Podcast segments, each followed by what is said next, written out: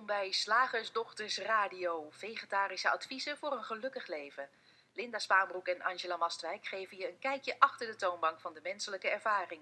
Hoe werkt het daar nu echt? Wij maken gehakt van ingewikkelde concepten en fileren met liefde ook jouw leven. Dat alles onder het motto geluk. Mag het een onsje meer zijn? Welkom luisteraars bij weer een eh, nieuwe aflevering van de Slagersdochters Radio Show. En vandaag hebben wij een onderwerp, Angela, dat wij heel erg leuk vinden. Dat vinden wij echt ontzettend leuk. Niet om te doen trouwens. Nee, wij willen het heel graag met je hebben over eh, destructief gedrag.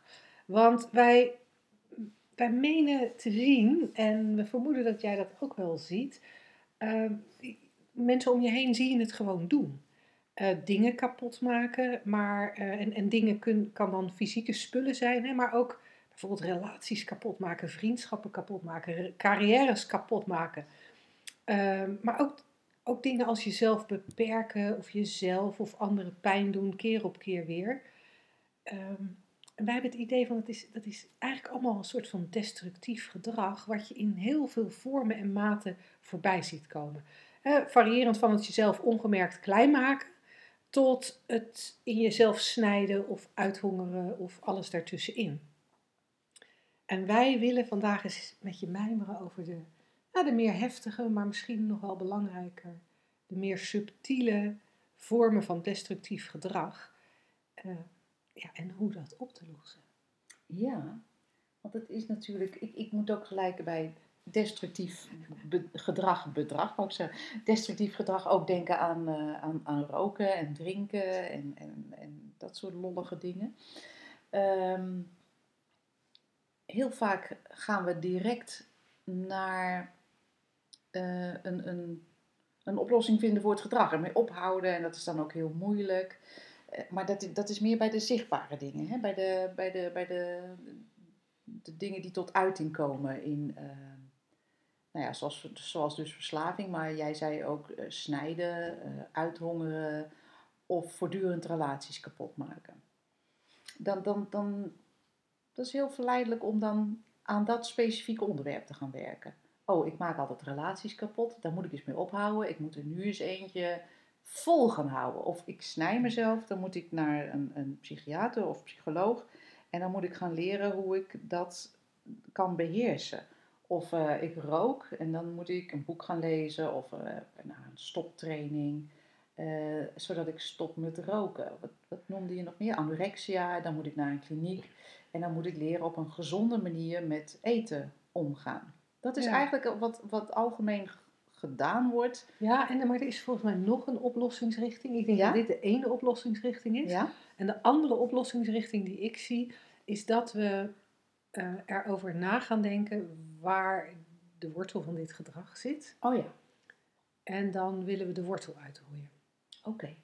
Dus het feit dat ik mijzelf snijd, mm -hmm. waar, waarom doe ik dat dan? Oh, Oké. Okay. En daar moet dan naar, dan moet je dan. En als je dan antwoord weet op de waarom-vraag. Geef eens een voorbeeld. Wat zou een waarom kunnen zijn? Waarom je jezelf snijdt? Nou, bijvoorbeeld omdat je aandacht wil. Ja. Of omdat je um, controle wil. Mm -hmm. Of omdat je daarachter, uh, dat je er in therapie achter kan komen, dat je jezelf snijdt um, omdat de fysieke pijn de emotionele pijn overstijgt. Mm -hmm. En dan is het belangrijk als je daar dan achter komt en je hebt het gevoel dat dat voor jou klopt, dat je dan gaat ontdekken wat dan de wortel van de emotionele pijn is. Mm -hmm. Dus dan moet je nog een laagje dieper graven. Ja. En ja, de wortel van de emotionele pijn kan bijvoorbeeld verwaarlozing zijn in je jeugd of uh, ja. gepest zijn op school. Mm -hmm. Ja. En dan hebben we het over, over um, gedrag wat heel duidelijk destructief is.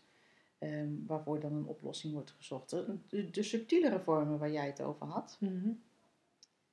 um, jezelf ongemerkt klein maken.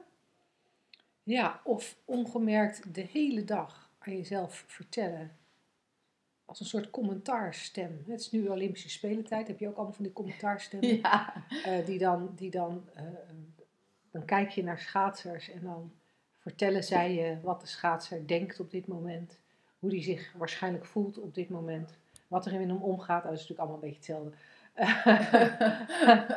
Ehm, en maar de, de, de commentaarstem die weet dat dan te vermelden over de schaatsers.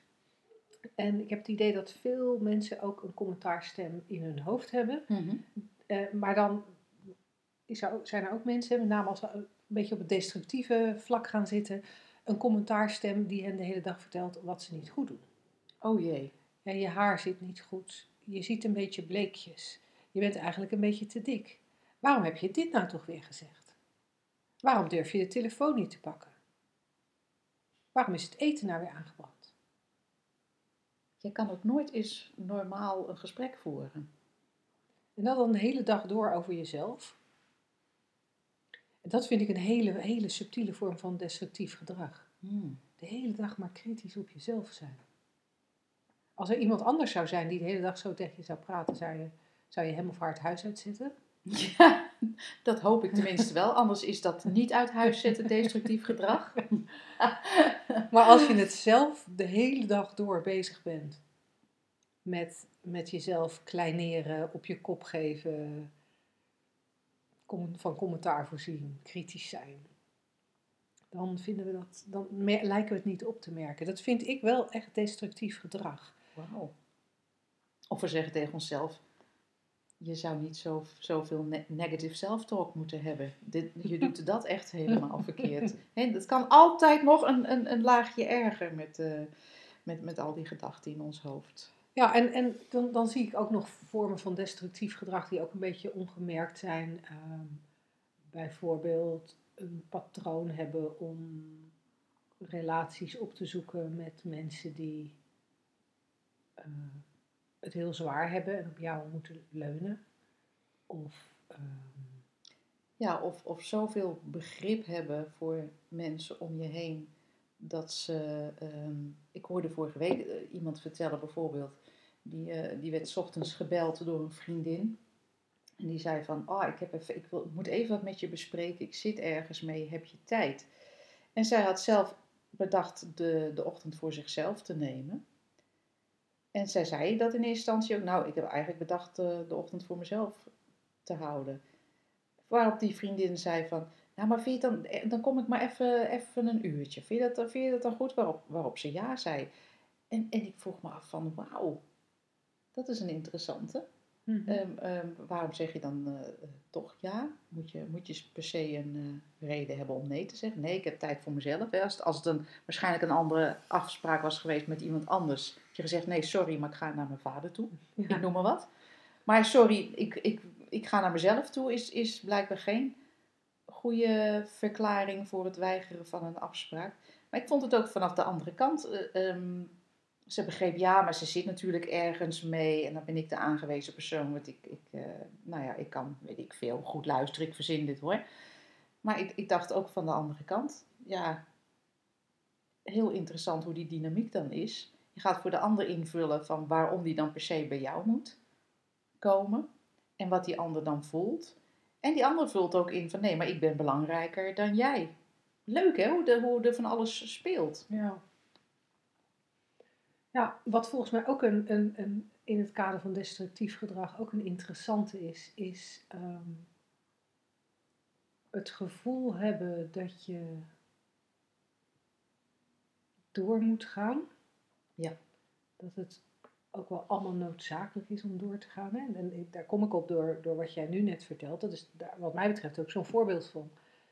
Je had eigenlijk bedacht om, eh, of degene waar het over ging, had eigenlijk bedacht, ik heb een ochtendje voor mezelf. Nou, als ik naar mezelf kijk, als ik een ochtendje voor mezelf heb, wat een van de dingen die ik heerlijk vind, is om gewoon 2,5 uur in bad te gaan liggen. Met een boek of met Netflix of zo, gewoon echt. Ik kom er verschrompeld en verrimpeld uit, maar dat vind ik dan heel erg lekker. Ehm waar wou ik naartoe met dit? Oh ja. En, ehm, en op het moment dat iemand anders dan eh, een, een, een, aan je vraagt eh, dat ze eigenlijk van jouw afspraak willen afhouden, dan, ehm, nou ja, dan, dan doe je dat omdat je vindt dat het hoort. Dan kies je er niet voor om die ochtend in bad te gaan liggen. Eh, want ja, het is nou eenmaal noodzakelijk om er te zijn voor die vriendin. Eh, maar in dit kader kan het ook zijn dat je je bedenkt dat het noodzakelijk is om, nadat je in bad geweest bent, wel de hele badkamer schoon te maken. Ja. Dat hoeft niet logisch te zijn, hè? Nee. Want je kan ook zeggen, je hoeft alleen het bad even uit te spoelen. Maar het kan heel, als we het over destructief gedrag hebben, dan komen er dit soort patronen. Weet je, nee, als ik in bad geweest ben, dan moet ik de hele badkamer schoonmaken. En, ehm, eh, dus dat is heel noodzakelijk. Vervol, ik moet wel dan op tijd ook weer, ehm, zeg maar, beneden zijn. eh, en zorgen dat de lunch klaar is. Want de kinderen komen. En de, de- als de kinderen komen, thuiskomen, moet er, wel een, eh, moet er wel een lunch voor ze staan. Daarna moet ik ze wegbrengen. En daarna moet ik aan het werk. Wauw. En dan, dan ontstaat er een leven vol moeten. Waar, en, en elk van die moetens, daarvan kan jij van mij zien en ik van jou zien.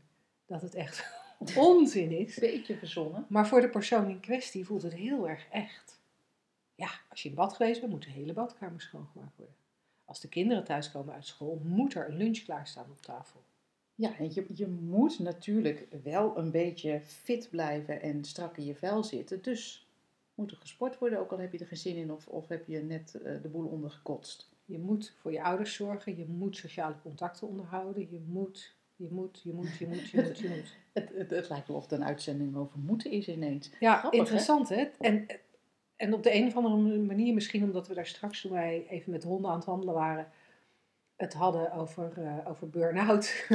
dat, dat, dat dat voorbeeld daardoor ook een beetje in mijn hoofd zit. Omdat dat, hè, we hadden het even over de burn-out die ik ooit gehad heb. En jij stelde toen de vraag ja, ik vind dat zo wonderlijk. Dat alsof er dan een moment is van, ik voel een burn-out opkomen en dat die burn-out er ineens is. En ik legde jou uit dat dat bij mij inderdaad het geval was. dat die er zomaar ineens was, echt van het een op het andere moment. Maar doordat we het over burn-out gehad hebben, zit ik ook weer even terug in, dat, in, in, dat, in die manier van denken die ik destijds had. Mhm. En die ging heel erg over alles wat moest. En,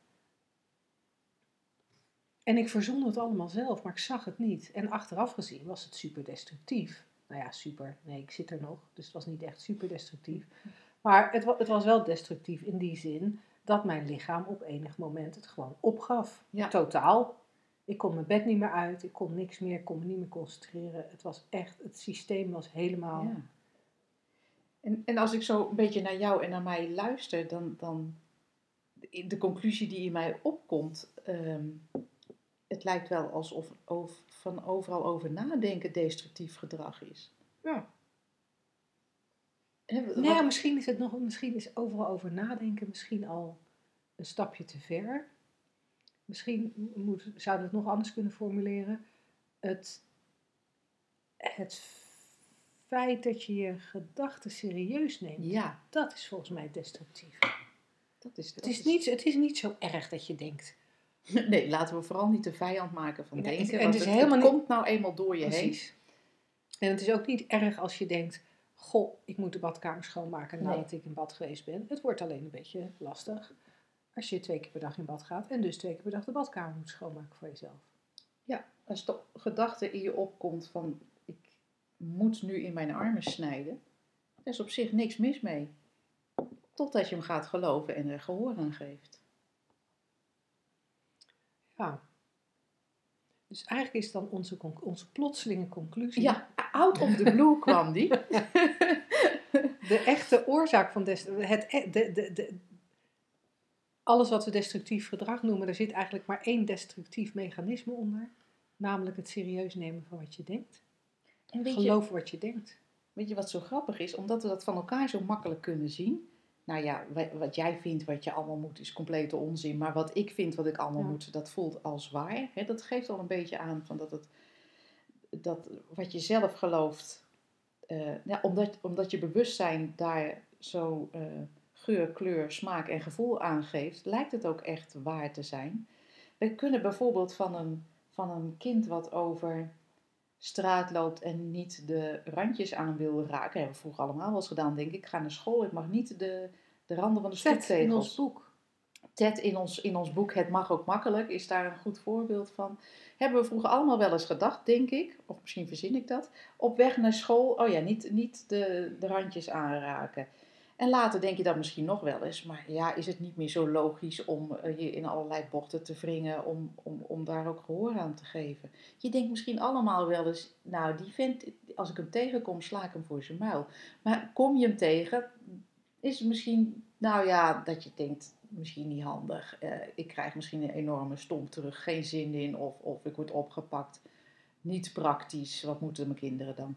Maar in ieder geval, ehm, heel veel gedachten komen in ons op waar we geen gehoor aan geven, die we, niet, eh, die we misschien nog wel een beetje geloven, maar ja, geen uitvoering. Bij anderen kunnen we het heel makkelijk zien. Hoezo denk jij dat dat belangrijk is? Dat je uh, jezelf uh, uithongert omdat het schoonheidsideaal maar 34 is.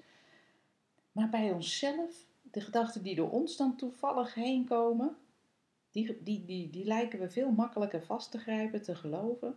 En als dat toevallig destructieve gedachten zijn, dan gaan we rare dingen doen. Ja, dan gaan we hele rare dingen doen. En, en nou zou het kunnen zijn hè, dat als je naar deze uitzending luistert, dat je, dat je denkt: oké, dus als ik destructief, uh, als, ik, als ik dan gedrag heb wat ik niet meer wil. Um, laten we even zeggen dat jij bedacht hebt voor jezelf dat het destructief is dat je elke avond een halve zak, zak chips leeg eet.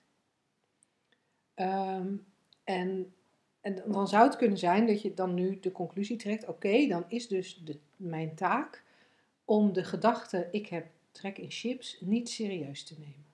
Want als ik die gedachte nou maar doorzie als een gedachte, dan, uh, dan ben ik er. En, en daar zit toch daar zit een klein subtiel um, addertje onder het gras.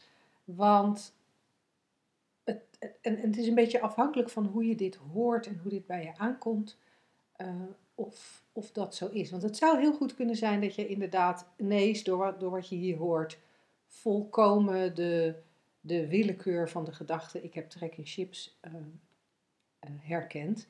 En dan doe je het niet meer. Maar wat ook heel goed zou kunnen, is dat, um, dat, dat, dat je op die manier een soort, soort van gedachtenmanagement gaat doen. Dat je dan heel hard tegen jezelf gaat zitten roepen als je enorme trek in chips hebt. Nee, ik, nee, het is maar een gedachte, het is maar een gedachte, het is maar een gedachte, het is maar een gedachte. Wat ook vrij destructief kan uitpakken. Omdat je daar echt heel, kan je jezelf helemaal ongelukkig mee maken om op die manier steeds maar tegen jezelf te praten. Dat die commentaarstem in je hoofd alleen maar als enige commentaar heeft: het is maar een gedachte, het is maar een gedachte, het is maar een gedachte. Um, wat in onze ervaring handiger is om niet per se te kijken naar dat wat jij bij jezelf herkent als destructief gedrag. in dit voorbeeld even elke avond een halve zak chips leeg eten. Um, maar dat je in zijn algemeenheid kijkt naar hoe werkt dat nou met dat denken? Hoe, komt, hoe werkt het systeem? En dat is natuurlijk dat paradigma van waaruit wij praten, die drie principes. Uh, als je die drie principes, als je gaat inzien hoe het werkt, als je inzicht krijgt in de werking van onze menselijke ervaring, dan kan er werkelijk iets veranderen en dan verandert je chipsgebruik misschien mee. Ja. Uh, misschien ook niet, maar veranderen er andere dingen voor, voor, je. Het destructieve gedrag neemt in ieder geval af, is mijn, uh, mijn ervaring.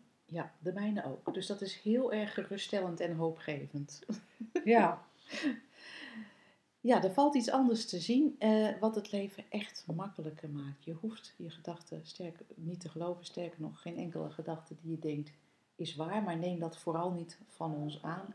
Ga dat eens bij jezelf uh, niet onderzoeken, niet op een analyserende manier, maar gewoon als er zo'n zo'n zo'n zo'n drang in je opkomt om iets destructiefs te doen. Je staat op het punt om het voor de twintigste keer een relatie te beëindigen.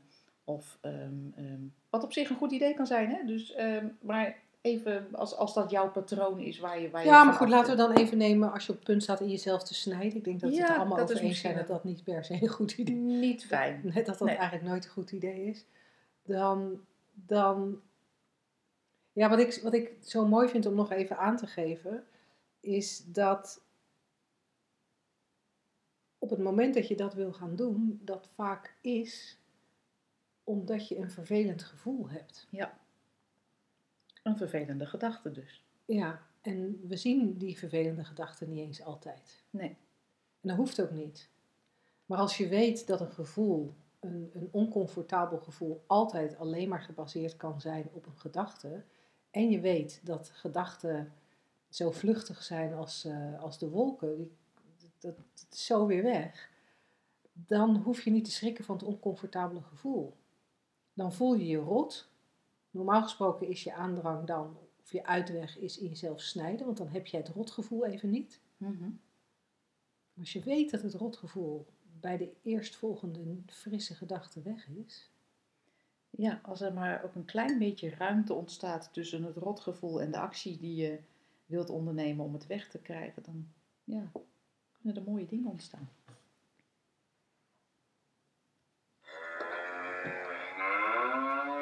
Slagersdochters, wat zit er in de leverworst?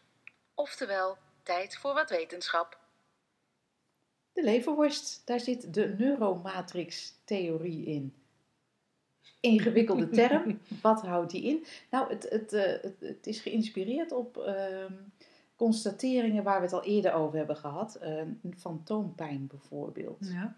En eh, de neuromatrix-theorie is ehm, beschreven door Ronald Melzak. Dat is een Canadees psycholoog en emeritus hoogleraar. En die, ehm, die is dus gaan kijken in eerste instantie naar fantoompijn en waar het vandaan komt. En hij, hij zegt, hij constateerde in eerste instantie dat we naar het brein moesten gaan kijken en niet naar eh, het, het amp- geamputeerde lichaamsdeel. Want dat is er namelijk niet meer. ja, wat blijft er dan over?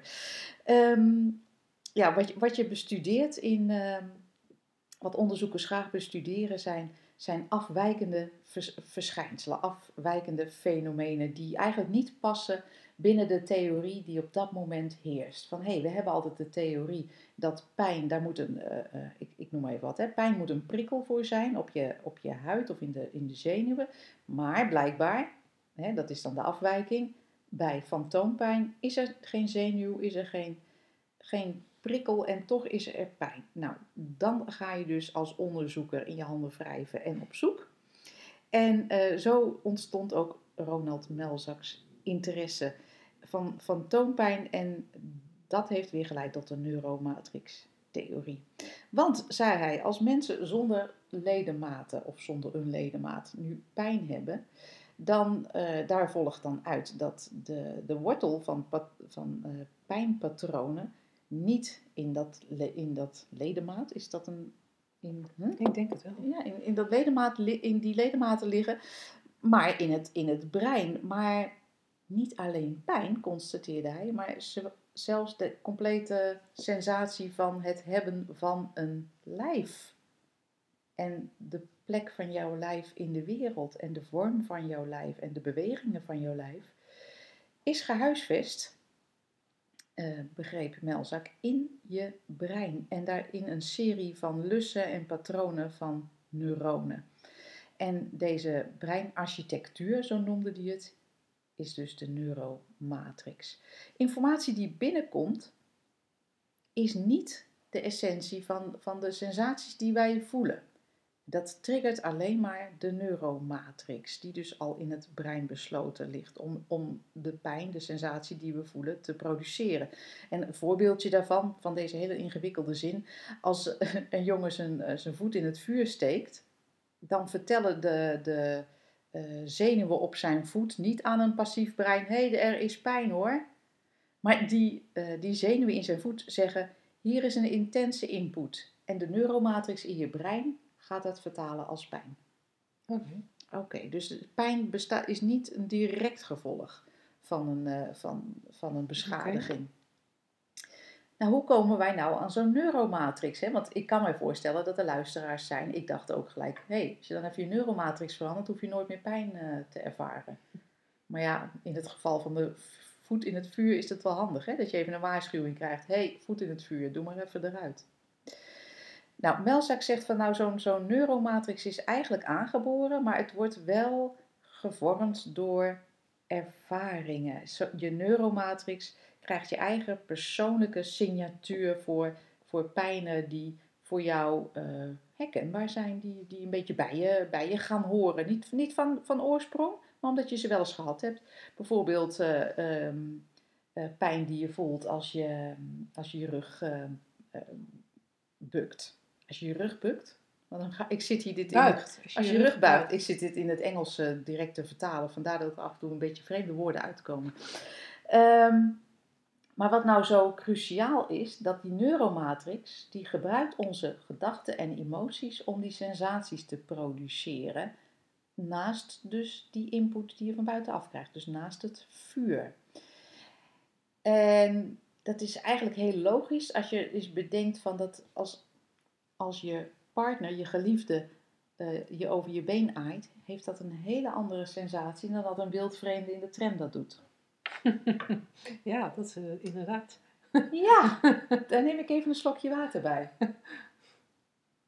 Het is dezelfde input, het is een, een hand op jouw dijbeen.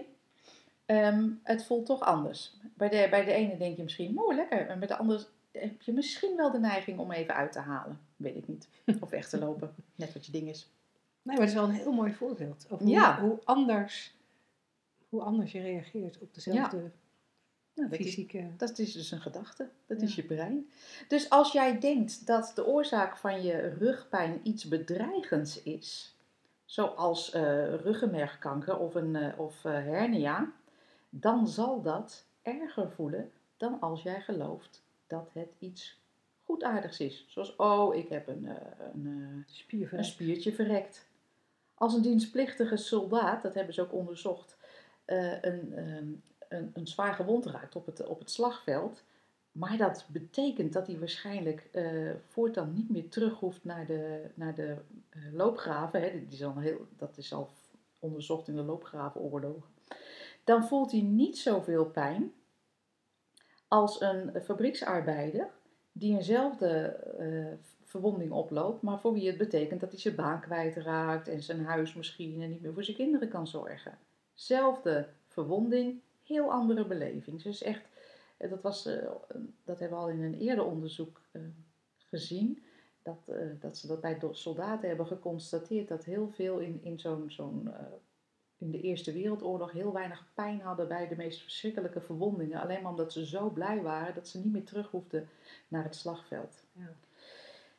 Ja, en eh, als je bijvoorbeeld net te horen hebt gekregen dat je, dat je ontslagen wordt, of eh, dat je vrouw van je weg wil, of je man van je weg wil, dan zal je dus meer pijn hebben van dezelfde afwijking of dezelfde verwonding dan dat je, zou, dan dat je hebt wanneer je helemaal goed in je vel zit. Pijn, zegt eh, deze dokter Melzak dus, is eigenlijk heel erg verbonden met welke betekenis je eraan geeft.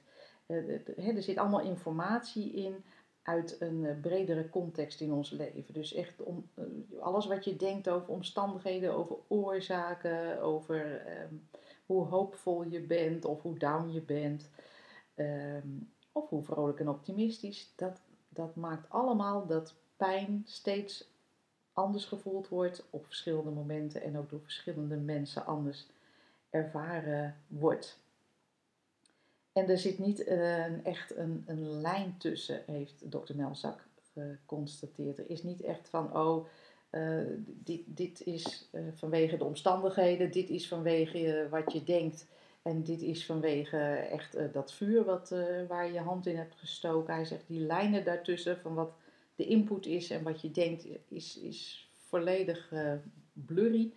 Ehm, er zijn dus een heleboel factoren die bijdragen of, of, eh, aan je pijn of die de pijn juist doen afnemen. En dat ligt dus aan je neuromatrix. En ik constateer dan, maar dat is natuurlijk vanuit mijn oogpunt gekeken, het is dus, het is dus maar wat je denkt. Ik, ik moet ook gelijk, eh, wat, het beeld krijg ik van zo'n zo'n experimentje. Dat zie je wel eens op eh, Facebook, op internet. Dan laten ze mensen één hand op tafel leggen en de andere achter, eh, een, achter een karton, zodat je die andere niet kan zien. En dan wordt daarvoor in de plaats een nephand neergelegd, waar je naar moet kijken. En dan, dan doen ze met een veertje tegelijkertijd over je echte onzichtbare hand en over de zichtbare nephand. En dan op een gegeven moment pakken ze een mes en die steken ze in die nephand. En alle mensen die, die gaan dan gillen en trekken terug en, en veel melden ook een pijnsensatie. Het is een nephand. Maar jouw brein kijkt ernaar alsof het jouw hand is. Die ervaring wordt gecreëerd. Mooi hè, weer zo'n dingetje over pijn. Ja, doet me denken aan waar we het een paar weken geleden eh, kwam, kwam in de uitzending ook eh, over lichamelijke klachten te sprake. En toen verwezen we naar eh, eh, een, podcast-uitzending van Bill Pettit Hmm. eh, in het Engels over de, drie de, de drie principles en, en lichamelijke klachten. Ehm, en ik zat terwijl ik naar je zat te luisteren, dacht ik van goh, hoe zou zich dat, hoe zou zich dat met elkaar eh, verhouden? De, de manier waarop er hier naar gekeken wordt. En zoals Bill Pettit erover spreekt, die. Ehm, ja, dat is eigenlijk een ander soort pijn. Want hier. Ik weet, ik weet eigenlijk niet. Ik weet eigenlijk niet. Want, want wat, een van de dingen die ik heel erg heb opgestoken uit die podcast van Bill Pettit is dat ehm, eh, pijn in veel gevallen een, sensa- of een, een signaal van het lijf is dat je eh, te veel stress hebt. Te veel Ja. mentale stress. Te Zoals, veel eh, nadenkt. zoals hij dat noemt. Ja, Hm. dus, dus te veel nadenkt. En dat is, dat net even anders dan wat jij nu. Ja, dit lijkt meer op ehm, dingen dat het belangrijk is wat jij gelooft over de pijn. En ook hoe je in je vel zit. Hè? Wat, wat je eh, gemoedstoestand is, zoals wij dat noemen. Eh, wat, wat, wat deze dokter beschrijft is eigenlijk een, iets uitgebreider, maar uiteindelijk komt het allemaal op hetzelfde neer. Want ja, in een, in een goede gemoedstoestand heb je gewoon minder gedachten dan in een lage gemoedstoestand. Ja, Ehm. zou het kunnen zijn dat, deze, dat, dat in dit onderzoek de pijn wat serieuzer genomen wordt als een echt ding? Hmm. Waar Bill Pettit zegt, het is niet een echt ding. Het is een, in, in zoverre, het is, een, hè, het, is, het is alleen maar een signaal van het lijf. Het is een waarschuwingssysteem. Ja. Hallo, te Joe, veel nadenken. let eens op. Oh. Ehm, Ja, en hij heeft het in de uitzending en die staat ook op onze site, hè? ja, als je op de website eh, zoekt op eh, lichamelijke klachten, op het blog zoekt op lichamelijke klachten, dan, eh, dan komt die podcast eruit. En dan zou je hem kunnen beluisteren als je dat leuk vindt. En als je Engels, als je vo- voldoende genoeg Engels spreekt, en dat is natuurlijk altijd even een dingetje met dit Ja. soort bronnen waar wij naar verwijzen. Ja. Je moet wel lekker Engels kunnen luisteren. Maar het is wel heel interessant om naar te luisteren. Ja, misschien, misschien moeten we ook niet proberen om hier nu een antwoord op te vinden. Want Nee. het, het is superleuk wat je hier inbrengt over de wetenschap. Ehm, we hebben ook zo de dingen van Bill Pettit gehoord. Misschien is het dan onze luisteraars zelf om eh, daar zo eens hun eigen mijmering op los te laten. Of niet. Ja, heel goed.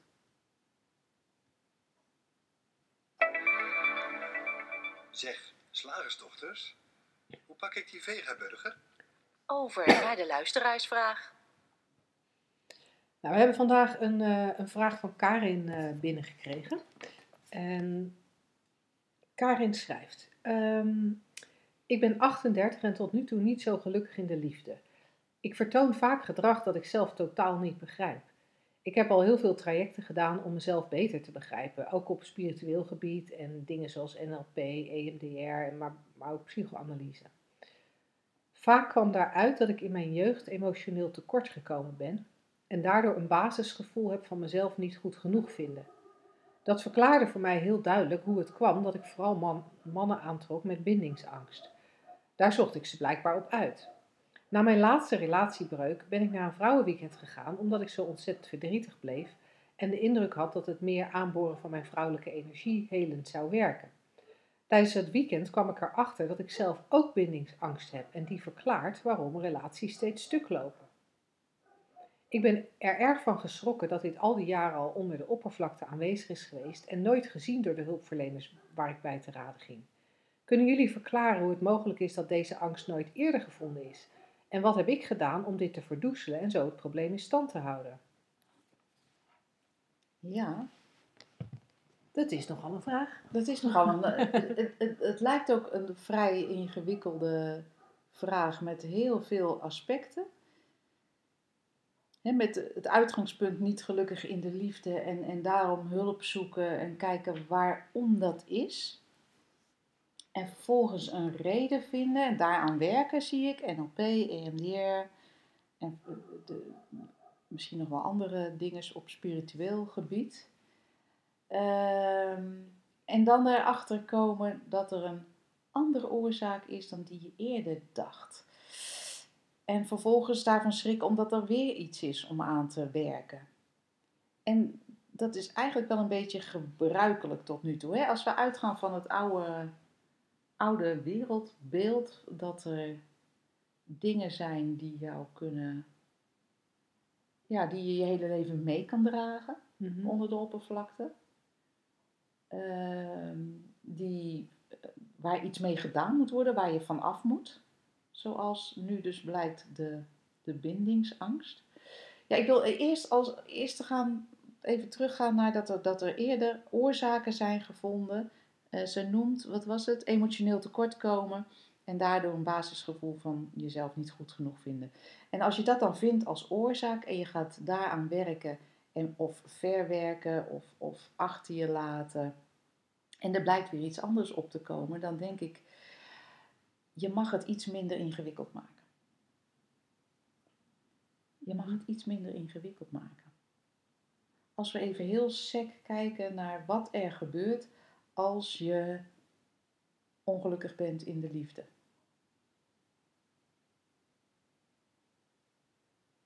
Dan, dan, dan heb je dus gevoelens, onprettige gevoelens. En je zegt dat komt doordat ik in een relatie zit. En vervolgens ga je zoeken hoe, wat er in jou zit, wat dat zo maakt. En wij gaan meer en meer zien dat je kan heel veel oorzaken verzinnen en dan wordt het heel ingewikkeld en dan blijkt er ineens een andere oorzaak te zijn die je, waarvan je, die je nog niet had gezien en waarom is dat niet ontdekt. Maar al die oorzaken, als je die allemaal, als je daar één stapje verder in gaat, dan zul je merken dat dat allemaal een gedachte is. En niet zomaar eentje die aankomt waar je, maar eentje die je misschien heel vaak hebt gedacht, zoals ik ben niet goed genoeg. Of het is eng om een vaste verbindenis te hebben, of weet ik veel. En ons insteek is, je hoeft niet te weten welke gedachte het is. Want dan krijg je dus dit soort ingewikkelde toestanden. Het kan dit zijn, het kan dat zijn. Dan hebben we het ene verwerkt, dan komt het andere weer. Blijkt er weer een andere oorzaak te zijn. Maar alles bij elkaar is het steeds hetzelfde. Er is een gedachte. Een gedachte die wat dan ook jou vertelt, wat je dan ook gelooft. Ik ben niet goed genoeg. Ik vind een vaste relatie eng. Ik ben emotioneel tekortgekomen. Wat destijds best waar geweest kan zijn. Maar het gaat even over hoe je nu functioneert, hoe je nu uh, je leven leidt met wat er in elk moment gevoeld wordt. En wat er in elk moment gevoeld wordt, kan alleen maar een gedachte in datzelfde moment zijn. Ook al zie je hem niet. Dus als er nu je, je partner zegt iets en jij denkt, ik moet van die vent af, dan speelt er nu een gedachte. En je hoeft niet te weten welke.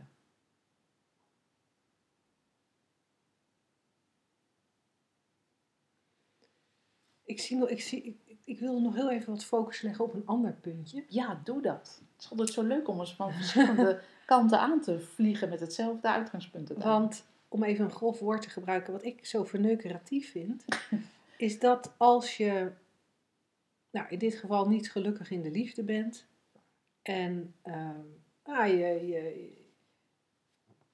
je, bent er, je staat er open voor om daar je eigen rol in te zien. Hè? Je legt het niet buiten jezelf. Je zegt niet uh, per definitie, oh ja, maar dat komt omdat hij een klootzak is. Maar je kijkt naar van, hé, hey, wat, wat is er dan waardoor mm -hmm.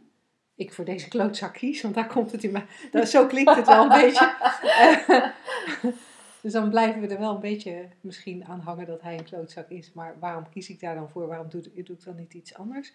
Um, dan, dan, dan ga je zo'n therapie doen hè, en dan mm -hmm. komt er iets boven. Dan in, in, eigenlijk, als wij heel eerlijk zijn, zeggen wij, ja, dan voorzien je wat.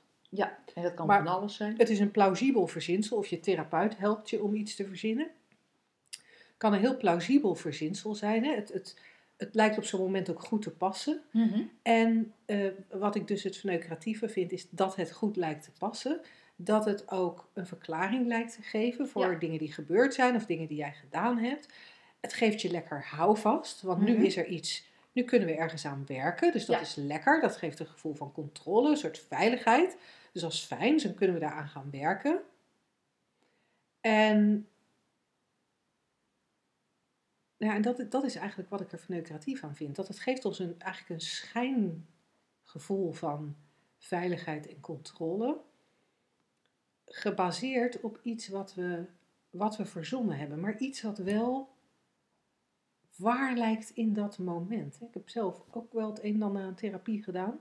Dus ik kan me dat ook nog wel herinneren. Ik, ik, ik kan me herinneren dat ik ehm, op een gegeven moment een, een, een therapie uh, deed waarbij uiteindelijk ehm, geconcludeerd werd of de suggestie werd gegeven door de, door de therapeut van goh, als jij een zwangerschap hebt gehad waarbij een van de vruchtjes is overleden en uh, je uiteindelijk één kindje hebt gekregen, uh, dat is erfelijk. Het zou heel goed kunnen zijn dat, jij, dat dat bij jou ook het geval is.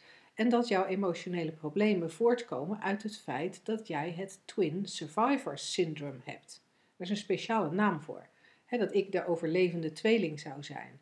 En, um, en ik werd toen onder uh, hypnose, uh, een soort hypnose gebracht, visualisaties. En werd ik meegenomen naar de tijd in de baarmoeder toen mijn twin nog leefde.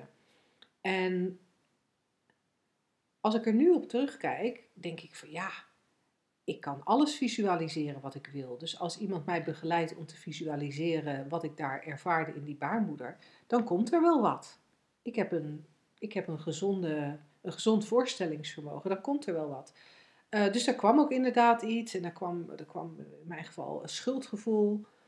En als je daar dan met, als therapeut en patiënt met elkaar over gaat filosoferen, ja, dan kan je dat heel goed koppelen aan problemen in het nu.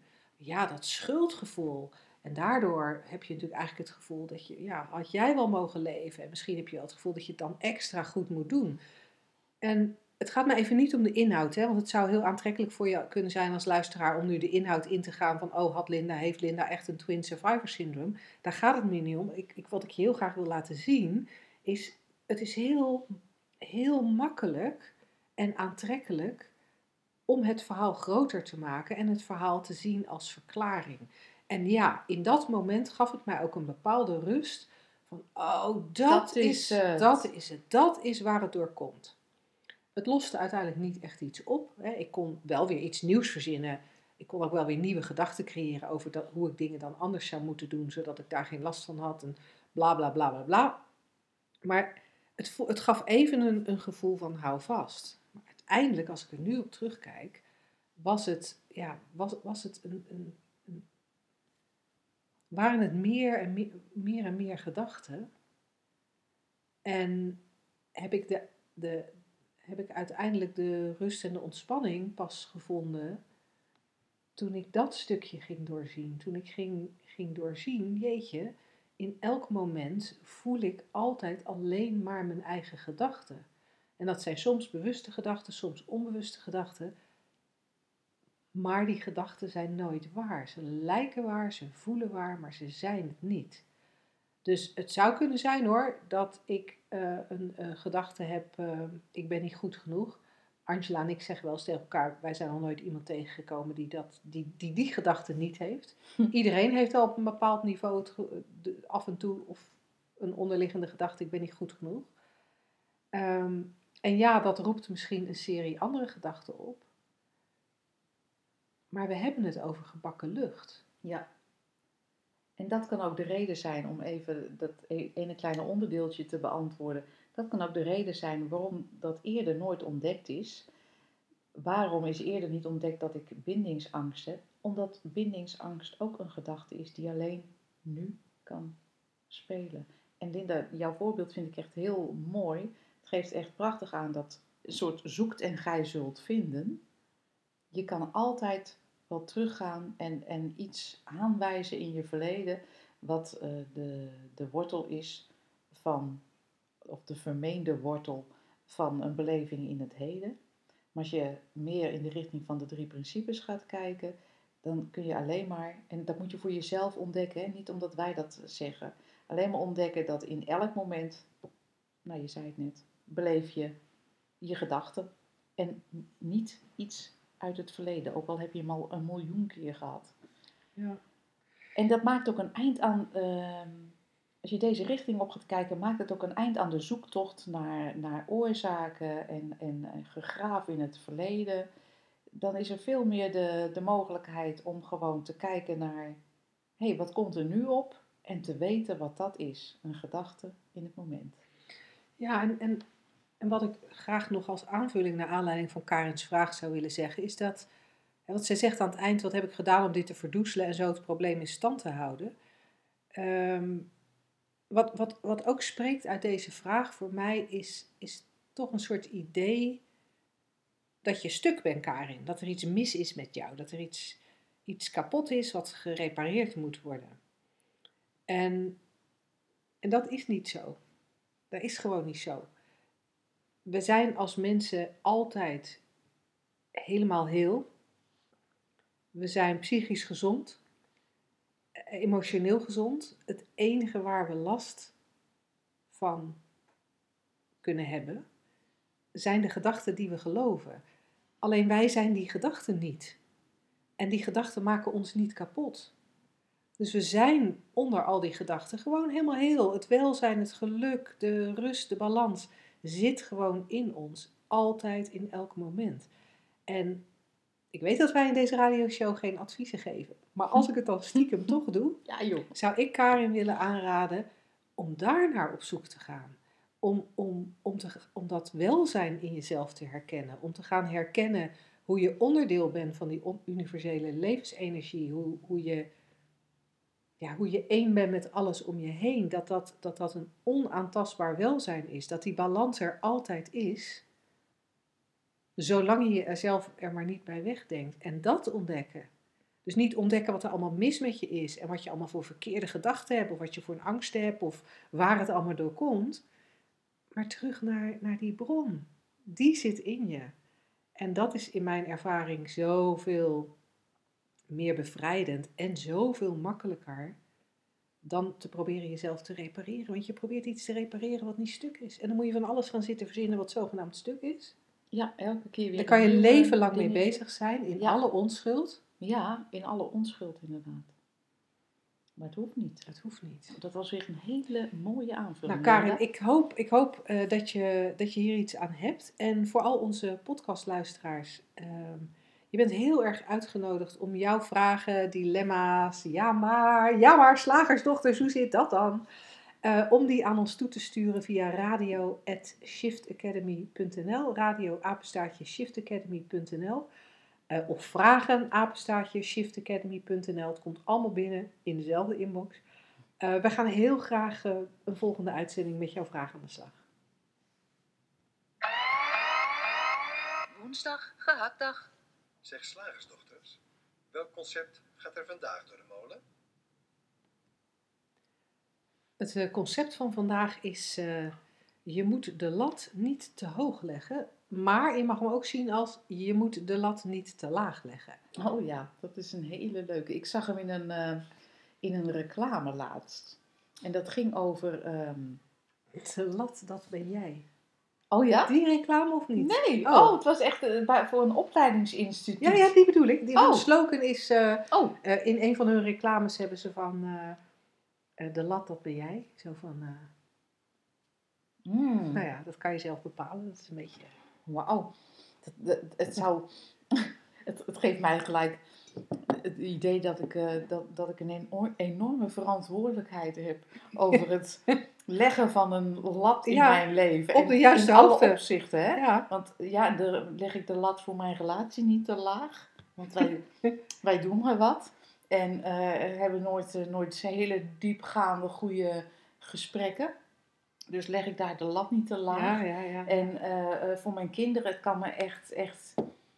Hun welzijn gaat me enorm aan het hart. Echt. Maar of ze nou afstuderen of niet, het kan me niks schelen. Leg ik daar de lat niet te laag voor hen ook? Of voor mij ook? Ik zou te Eh. horen, ben jij meer van de te lage lat? Ja, ja. Ja, grappig. Vraag jij je af of je wel eens ergens de lat te hoog legt?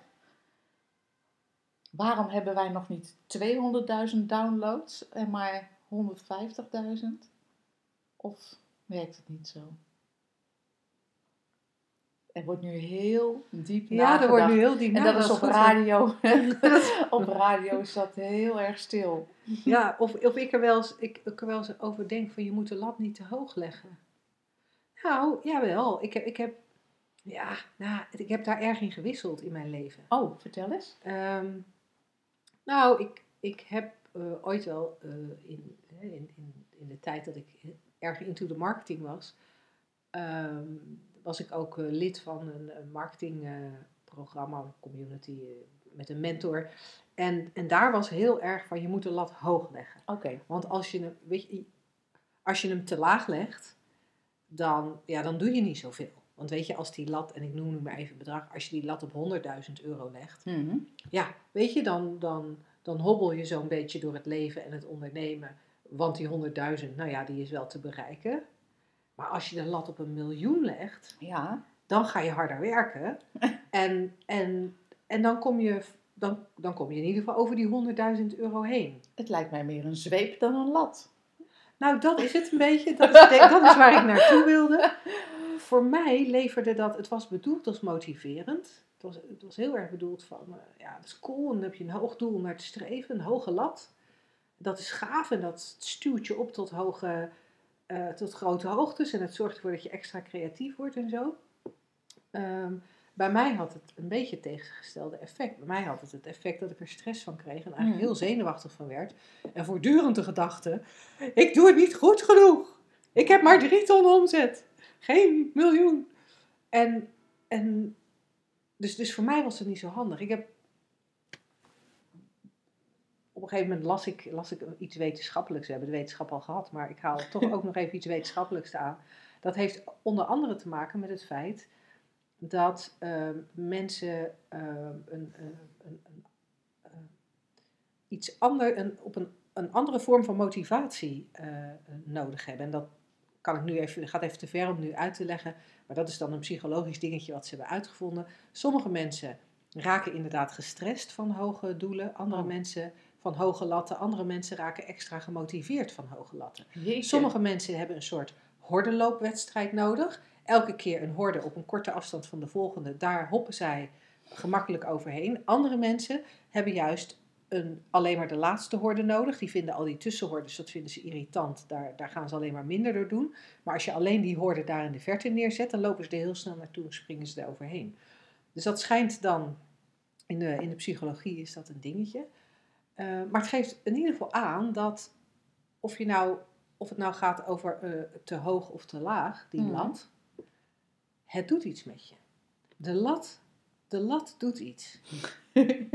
De lat lijkt een stroom aan gedachten ja. op te roepen. Ja, ik, ik ga ook ineens terug naar mijn kindertijd, waarin ik eh, school nogal simpel vond.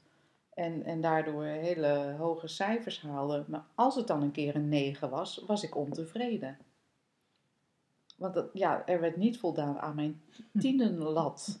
Ik zag, ik zag rondom de Olympische Spelen zag ik een grappig, een, een grappig stukje van de komiek Jerry Seinfeld. Mhm. die het in, de, in het kader van, van de Olympische Spelen had over eh, eh, dat ja, goud winnen is wel leuk, maar als je zilver wint, dat is eigenlijk helemaal niet leuk. Dan ben je alleen maar de beste loser.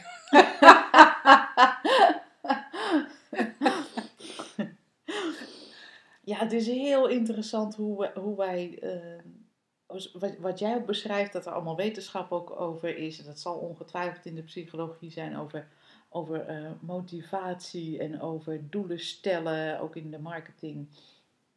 En allerlei eh, andere takken van sport, letterlijk en figuurlijk.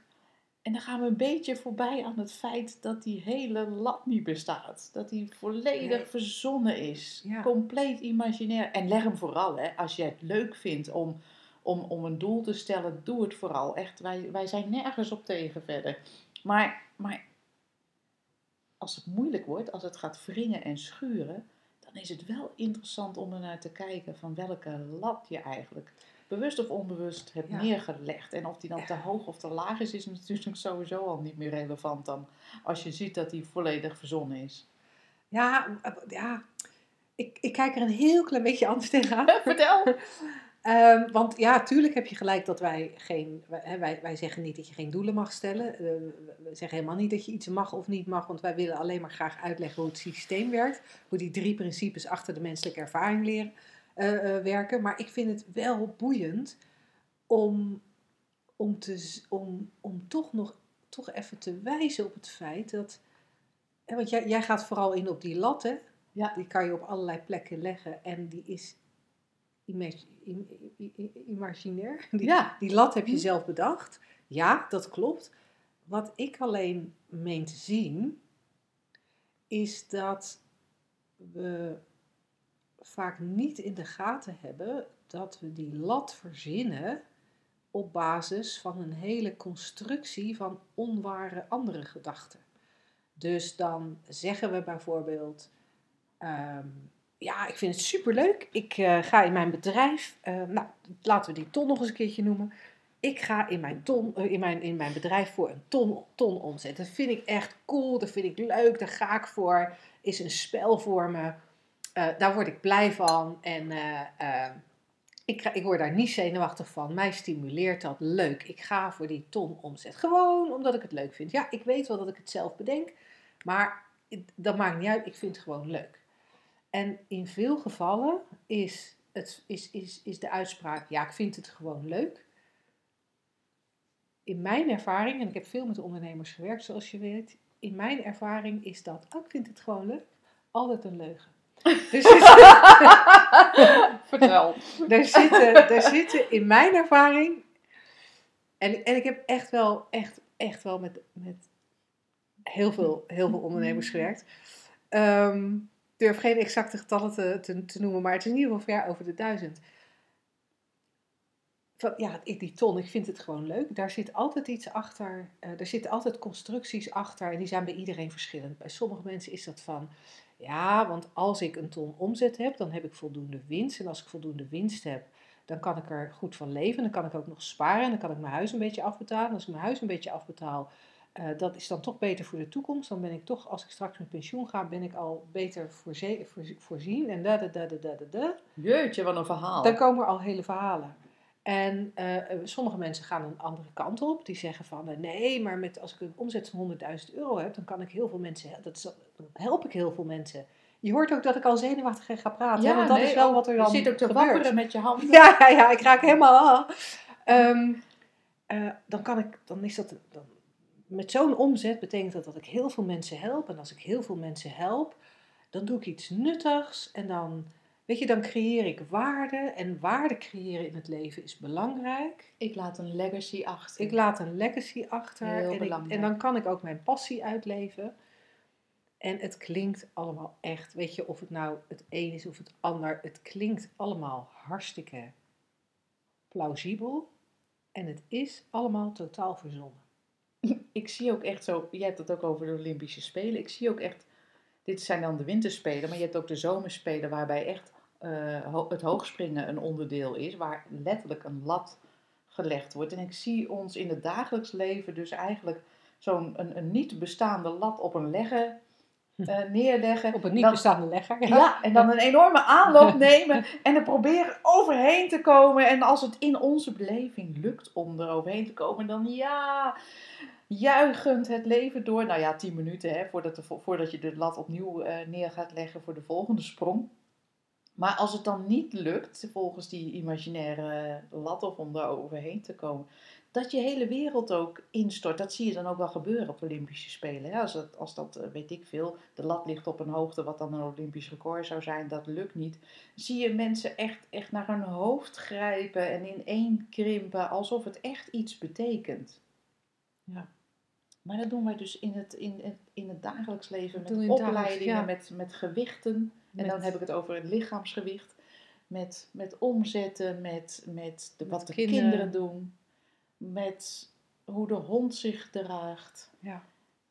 En we verzinnen een lat. En we verzinnen van alles wat die lat plausibel maakt. En, we, en, en, en het voelt allemaal zo waar. En we praten er ook over alsof het waar is. Nee, maar jouw lat ligt te hoog. We, we weten gelijk wat we bedoelen. Nee, maar je moet de lat niet zo laag leggen bij dat kind. We weten onmiddellijk wat we bedoelen, denken we. Maar we hebben niet in de gaten dat, dat sowieso die lat al verzonnen is. Hè? Dat is echt, nee, maar je moet omgaan met je, weet ik veel, Ik weet het ook niet. Met ik, iets denk, verzonnen. Ik denk wel dat we dit concept aardig vermalen hebben. Ja, we, we het maakt we niet gingen uit waar je de lat legt. Hij bestaat namelijk niet. hey, we zouden het super superleuk vinden je binnenkort op een van onze trainingen te ontmoeten. Ja. Eh, heel binnenkort hebben we eh, de masterclass Rust in je hoofd. Volgende maand hebben we, eh, tenminste in de maand april, hebben we de masterclass Moeiteloos opvoeden. Eh, en we hebben natuurlijk ook nog onze driedaagse. eh, maar ik weet niet of daar dan nog wel plekken voor zijn. Nou, informeer maar. Informeer maar. www.shiftacademy.nl Tot de volgende week. Tot dan.